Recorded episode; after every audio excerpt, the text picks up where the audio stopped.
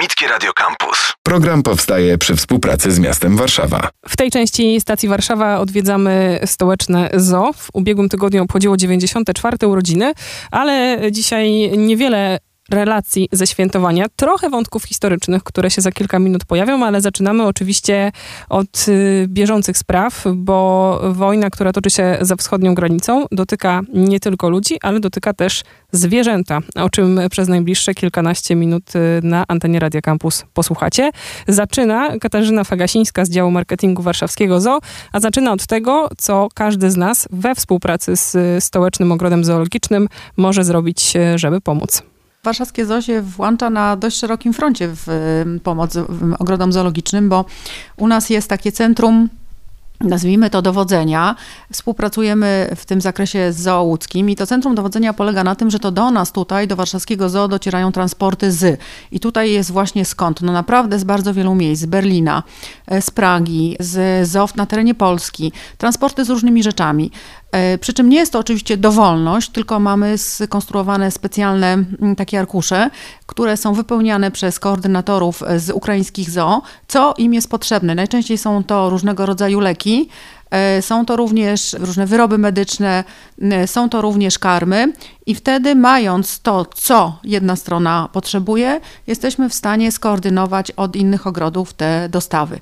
No oczywiście też warszawiacy nam przynoszą e, różnego rodzaju rzeczy, to o tym żeśmy mówili, to jest głównie karma dla psów, kotów, papug, i różnych innych małych zwierzaków i większych. A skąd wiadomo, czego potrzebują ogrody w Ukrainie? Rozumiem, że Państwo są w jakimś kontakcie.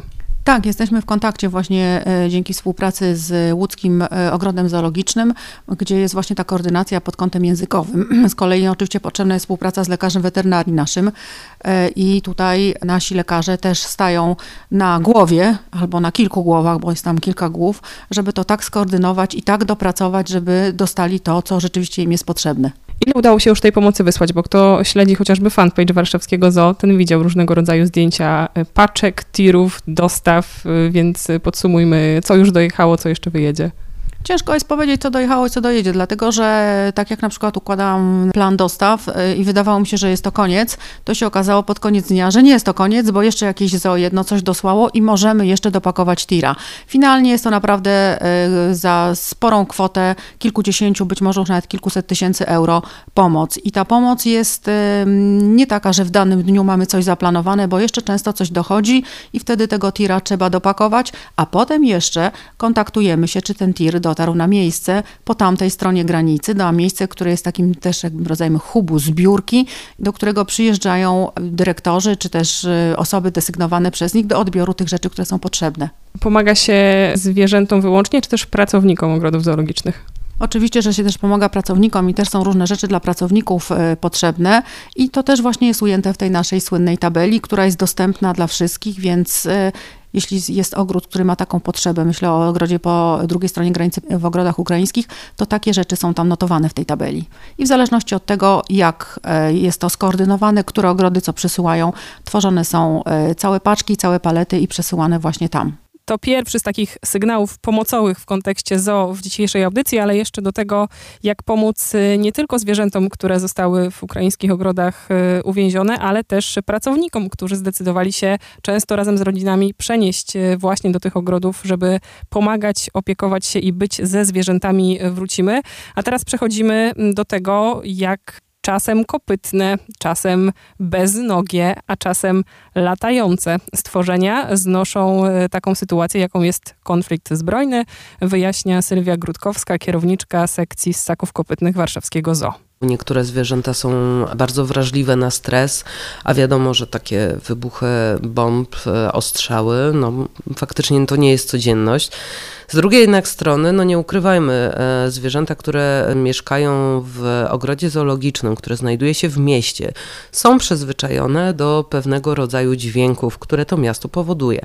W związku z tym to też nie można powiedzieć tak, że jeżeli usłyszą wybuch bomby, to praktycznie wszystkie od razu e, w ciągu minuty padają na zawał serca spowodowany stresem. Nie. Natomiast co jest ważne, bo tak jak e, my obchodzimy nowy rok, są wystrzały, fajerwerki, to jest krótkotrwały stres. Najgorszy w przypadku zwierząt dzikich które no właśnie są wrażliwe na ten stres i jest przedłużający się, stres długotrwały. Jeżeli takie działania wojenne trwają parę dni, to faktycznie niektóre zwierzęta mogą e, po prostu odejść z powodu najczęściej zawału serca. Co jeszcze robią? Słyszałam o zwierzętach, które po prostu uciekają w panice, wpadają na ogrodzenia, takie, które przestają się opiekować swoimi młodymi. To jest bardzo częste, to akurat też dotyczy zwierząt kopytnych, e, które dosyć dobrze znam. Są zwierzęta bardzo płochliwe, takie na przykład jak antylopy, zwierzęta leśne, jeleniowate. To są zwierzęta, które w naturze mają zakodowane takie po prostu zachowanie, bo w naturze ich jedyną formą obrony jest ucieczka. One w sytuacji dla nich niezrozumiałych, stresujących, e, które powodują u nich e, bojaźń o życie, one się ratują ucieczką i to jest ucieczka na oślep. One wtedy nie patrzą, mogą wpadać na ogrodzenie. Mieliśmy takie przypadki niestety, że antylopa wpadła na ogrodzenie, złamała sobie kręgosłup i padła. Więc y, to jest dla nich bardzo niebezpieczne, może spowodować zgon. I jak sobie wyobrazić taką ewakuację, czy też przeprowadzkę ZO? Słyszymy o zwierzętach, które z ogrodów zoologicznych trafiają chociażby do poznańskiego ogrodu zoologicznego. No i teraz, jak się je transportuje? Jak one mogą się odnajdywać w nowym miejscu? No więc od razu chciałabym sprostować. Na chwilę obecną z Ukrainy z ogrodów zoologicznych nie odbyła się żadna ewakuacja zwierząt. Te zwierzęta są cały czas na miejscu. I to jest spowodowane wieloma aspektami. Po pierwsze, transport dzikich zwierząt z ogrodu zoologicznego jest ogromnym przedsięwzięciem, bardzo niebezpiecznym. I przedzieranie się z tymi zwierzętami przez linię frontu no jest prawie że niewykonalne. Można próbować niektóre gatunki zwierząt faktycznie przetransportować, natomiast e, no, trzeba się liczyć z tym, że ten transport, który sam w sobie transport dzikich zwierząt jest zawsze bardzo stresujący, bardzo niebezpieczny, to jeszcze transport zwierząt w okresie działań wojennych jest ogromnie niebezpieczny i może powodować po prostu zgon tych zwierząt w trakcie transportu. Oczywiście w dzisiejszych czasach mamy możliwość złagodzenia tego stresu u zwierząt. Stosuje się różnego rodzaju po prostu leki, e, które wyobrażam sobie, że w tym czasie w ogrodach zoologicznych, które w Ukrainie są w trakcie jakiegoś oblężenia czy bombardowania, są podawane. Mamy wiele gatunków zwierząt, które po prostu takiego stresu, który trwa już od wielu dni, by nie przeżyły, więc one prawdopodobnie mają podawane takie leki uspokajające. Natomiast sam transport, no wyobraźmy sobie, ogrody y, zoologiczne ukraińskie są wbrew pozorom bardzo duże. One mają ogromną ilość zwierząt i przeprowadzka tych zwierząt przez granicę do innego kraju jest no, praktycznie bardzo trudna, delikatnie mówiąc. Po drugie, nie ma w Polsce ogrodu, który byłby w stanie przyjąć tą ilość zwierząt. Te zwierzęta potrzebują pomieszczeń, wybiegów, wolier i to na chwilę obecną jest praktycznie niemożliwe. Oczywiście można myśleć o jakichś pojedynczych przypadkach, natomiast ewakuacja całego ogrodu no nie wchodzi w rachubę tak naprawdę. Warszawskie Zoo gości w drugiej części stacji Warszawa, mimo że nie koncentrujemy się tym razem na stołecznych mieszkańcach ogrodu, a na tym, jak włącza się w akcje pomocowe na rzecz ukraińskich ogrodów zoologicznych.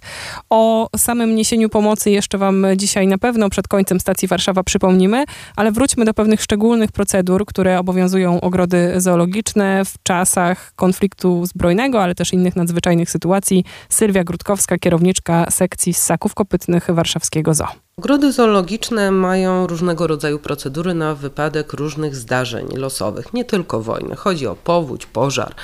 E, te procedury omawiają, jak ma przebiegać ewakuacja zwierząt na terenie ogrodu, na jakie tereny, w jakich klatkach, e, które zwierzęta, w jakiej kolejności, którym podać anestetyki, którym podać leki uspokajające. Taka procedura też obejmuje, które zwierzęta ewentualnie trzeba by poddać eutanazji, czyli uśmiercić niestety. No trzeba sobie zdawać sprawę, że działania wojenne powodują dwojakie niebezpieczeństwo. Pierwsze to w ogrodach zoologicznych przebywa dużo zwierząt bardzo niebezpiecznych. I bombardowanie ogrodu zoologicznego, który może skutkować możliwością wydostania się tych zwierząt poza swój obiekt, albo też nawet poza teren ogrodu, stanowi śmiertelne niebezpieczeństwo, bo wyobraźmy sobie, że ludzie, którzy są w trakcie wojny, są narażeni na śmierć z ręki agresora, muszą jeszcze się zmagać z atakami zwierząt niebezpiecznych, typu duże koty, typu niedźwiedzie. My, jako ogród zoologiczny, który jest odpowiedzialny za te zwierzęta, ale też i ludzi, którzy mieszkają wokół nas, no nie możemy do tego dopuścić. Pojawia się też drugi problem. Działania wojenne powodują masową emigrację ludzi. Ludzie uciekają. Często zwierzęta zostają bez opieki. Nie ma kto im podać jedzenia, co jest najważniejsze do przetrwania. A my, jako odpowiedzialni za te zwierzęta, nie możemy doprowadzić do tego, że będą skazane na śmierć głodową, która jest okrutna. I tak naprawdę czasem jedynym wyjściem jest e, poddać je eutanazji ze względów humanitarnych, żeby się po prostu nie męczyły. To Sylwia Grudkowska ze Stołecznego Zoo o procedurach i rzeczywistości ukraińskich ogrodów y, zoologicznych. Przenosimy się jeszcze do tego warszawskiego, który w minionym tygodniu obchodził ogród zoologiczny, 94. Y, urodziny. Y, w tych długich 94 latach w historii nie tylko zoo i Warszawy, ale też Polski przytrafiła się wojna. Mam nadzieję, że słuchacze znają historię państwa żabińskich, ich willi, która na terenie zoo stoi do dziś i tego, jak wiele nie tylko zwierząt, ale ludzi w czasie wojny ocalili. My jednak przejdziemy do historii zwierząt w tym czasie. Nie chcę też budować takiej prostej analogii między tym, co dzieje się teraz w Ukrainie, a tym, jak e, wyglądała historia warszawskiego zoo w czasach II wojny światowej, ale może jednak e, historia w tym przypadku żyraf, opowiedziana znowu przez Sylwię Grudkowską, pozwoli wam lepiej to, co dzieje się za wschodnią granicą w kontekście zwierząt zrozumieć. Przed wybuchem wojny w warszawskim ogrodzie zoologicznym mieliśmy dwie żyrafy w trakcie pierwszych działań wojennych na terenie Warszawy pierwsza żyrafa padła z powodu urazu wywołanego odłamkiem pocisku. To jest e, ten przerażający aspekt. Pociski rakietowe e, czy też czołgowe, które sieją największe spustoszenie.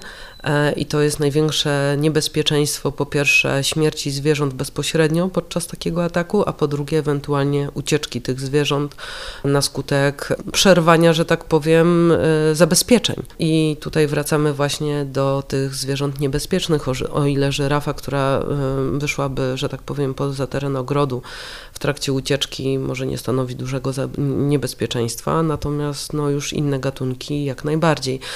W tamtych czasach akurat nie było już e, tego niebezpieczeństwa, bo większość tych e, zwierząt e, drapieżnych właśnie została także wywieziona albo wcześniej zabita.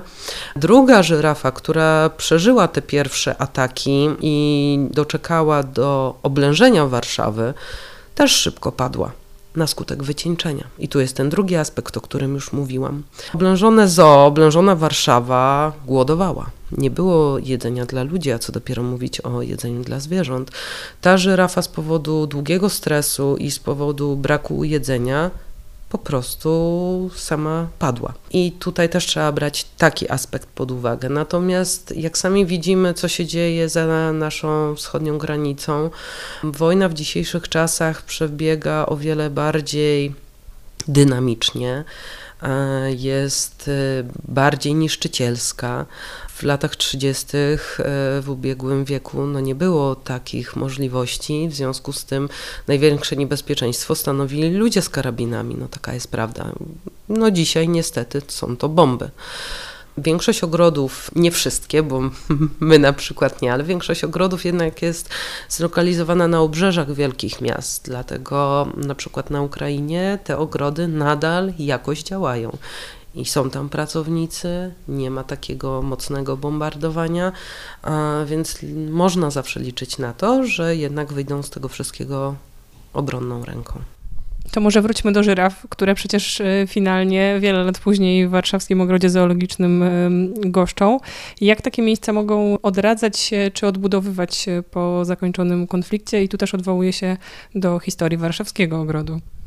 Po wojnie tak naprawdę w ogrodzie zoologicznym była garstka zwierząt, które przetrwały całą wojnę. Natomiast e, i mam nadzieję, że będziemy to widzieć także e, w dzisiejszych czasach. E, jest niesamowity później odzew. Rodzina ogrodów zoologicznych jest bardzo silna, ma bardzo silne więzi. Wszystkie ogrody, nawet z drugiego końca świata, chcą sobie pomagać. Dyrektor Żabiński otrzymywał zwierzęta.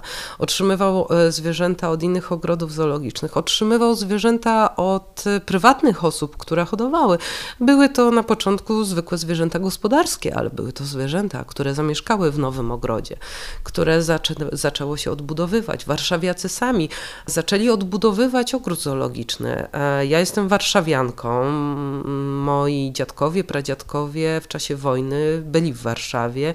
Ja od nich słyszałam relacje że po wojnie mój pradziadek na przykład pomagał odbudowywać niektóre budynki, infrastrukturę. Także pospolite ruszenie samych e, mieszkańców danego miasta, jak i całej społeczności zoologicznej jest ogromne po takim nieszczęściu i ogród może liczyć na ogromne wsparcie. I a propos tego pospolitego ruszenia, e, jeśli macie ochotę włączyć się w pomoc e, ukraińskim ogrodom zoologicznym za pośrednictwem warszawskiego zoo, to Katarzyna Fagasińska przychodzi na koniec jeszcze z pigułką informacji, jak to zrobić. Zbiórka finansowa organizowana przez naszą Fundację Wspierania Warszawskiego Ogrodu Zoologicznego Panda i tutaj na naszych stronach e, Facebooka, jak i również na stronie Fundacji Panda jest oczywiście podany numer do zbierania datków. No i panda zakupuje za te datki te rzeczy, których na przykład nie mamy z ogrodów zoologicznych, ale trzeba jakby dokupić w jakimś e, centrowecie, czy to jest właśnie organizacja zaopatrzenia e, w środki medyczne na terenie Polski i wtedy cały ten transport jako jeden pełny taki pak jedzie właśnie tam do tego punktu zbiorczego na Ukrainie. I wybierając się do zoo, można wziąć coś ze sobą, przy niej zostawić u Państwa już y, w formie fizycznej? Teoretycznie tak i myślę, że praktycznie też, natomiast e, trzeba też zwracać uwagę na komunikaty z naszej strony, co aktualnie jest potrzebne, bo nie zawsze są to na przykład zabawki dla zwierząt, tak jakby to, byśmy to zbierali w innym czasie, tylko często są to bardziej konkretne rzeczy, na przykład różnego rodzaju e, paczki z karmą dla konkretnych gatunków zwierzaków, które e, no, tam potrzebują, czyli my po prostu poprzez koordynację właśnie w tym arkuszu doskonale wiemy, co jest tam potrzebne i staramy się te potrzeby zaspokajać. I o tym też mówimy e, właśnie w mediach i co jakiś czas na naszym Facebooku, e, czy w postaci filmu, czy w postaci postów, no prosimy warszawiaków o taką pomoc właśnie związaną z tym, jakie są tam potrzeby.